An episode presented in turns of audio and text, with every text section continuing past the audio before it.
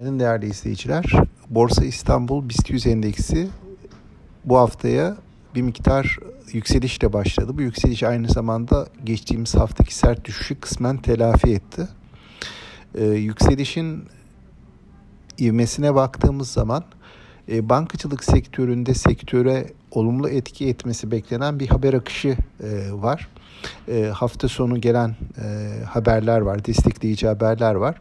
Dün de yine e, bankaların 2022 karlarından temettü verme imkanlarıyla ilgili yine destekleyici bir açıklama geldi. Gerçi çok bilinmeyen veya tahmin edilemeyen, öngörülemeyen bir açıklama değildi ama yine de sektöre moral destek olduğunu düşünüyorum. Gerek hafta sonu e, yapılan düzenleme e, haberler, gerekse dün gelen haber akışı banka hisselerine alım getirdi.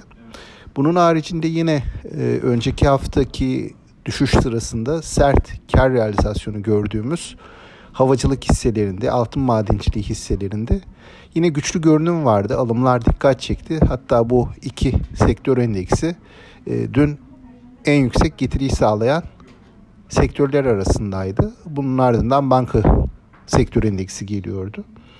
Bugünkü beklentilere baktığımızda haber akışı açısından sakin bir günden bizi bekliyor. E, bu arada aracı kurumlar da dördüncü çeyrek bilanço beklentilerini e, paylaşıyorlar. E, bu dördüncü çeyrek bilanço beklentilerinin paylaşıldığı bu dönemde e, hani buradaki hisselerin durumlarına göre hisse bazlı hareketler olabilir. Burada hisse bazlı hareketleri destekleyecek sonuçlar çıkabilir diye düşünüyorum.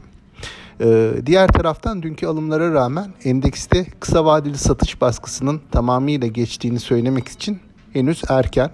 Bununla birlikte dün iyi bir ivme vardı. Bu ivmenin e, bugün de e, devam etmesi yönünde bir açılış göreceğimizi tahmin ediyorum. Ancak yükselişler teknik dirençler nedeniyle bir miktar sınırlı kalabilir. Bunun da dikkate alınması gerektiğini düşünüyoruz.